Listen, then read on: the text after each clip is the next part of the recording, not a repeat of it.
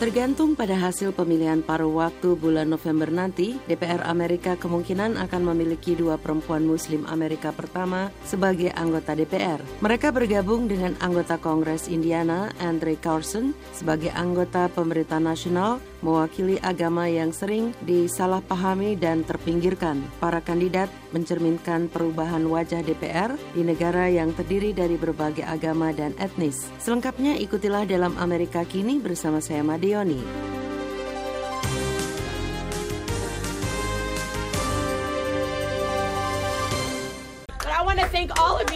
Madi Leoni. Berawal di Michigan, kemudian berlanjut di Minnesota, baik Ilhan Omar maupun Rasida Tlaib yakin perjuangan itu akan berakhir di Washington DC.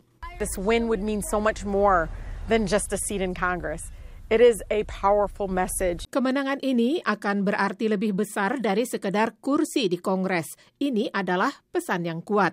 Sebuah pesan dari para pemilih pemilu pendahuluan di kedua negara yang disampaikan pada bulan Agustus lalu bahwa seorang perempuan Muslim Amerika siap mewakili mereka di Kongres, bahkan ketika kebencian meningkat terhadap kepercayaan mereka.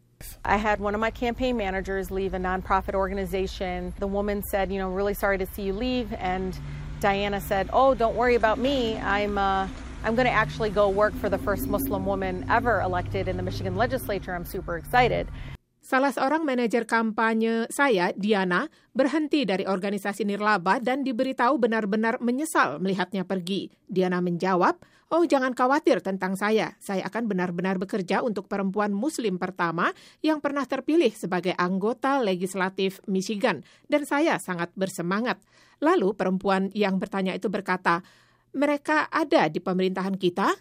And to see, you know, these women potentially elected to the Congress of the United States uh, is uh, a huge statement. Menyaksikan perempuan-perempuan berpotensi terpilih pada Kongres Amerika adalah pernyataan besar.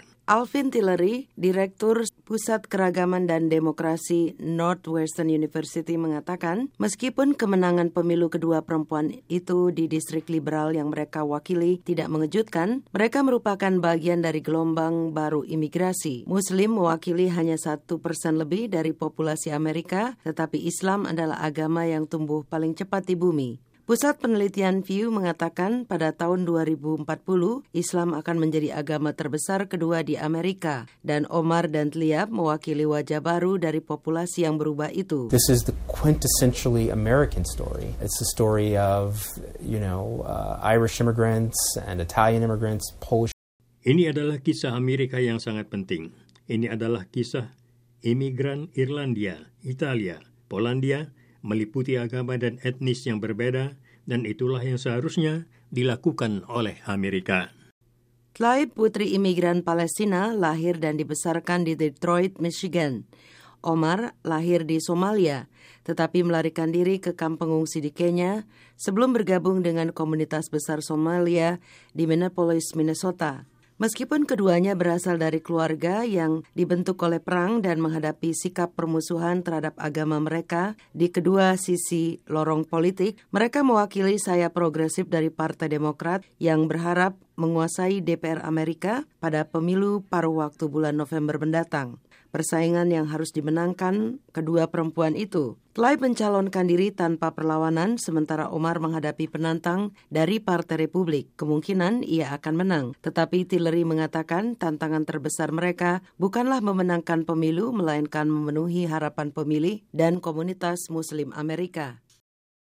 So there will be in essence a greater burden on them because of their identities and because of the historic change that they represent uh, they'll have a, a larger portfolio and a larger set of expectations. Pada dasarnya akan ada beban yang lebih besar pada mereka karena identitas mereka dan karena perubahan sejarah dan mereka wakili. Mereka akan memiliki portofolio yang lebih besar dan pengharapan yang lebih besar dari anggota Kongres pemula yang biasa. Kongres akan menangani banyak masalah sulit termasuk keamanan perbatasan Amerika, imigrasi dan integritas pemilu. Masalah-masalah di mana Tlaib dan Omar berharap berkesempatan ikut mempertimbangkannya ketika Kongres berikutnya bersidang pada bulan Januari.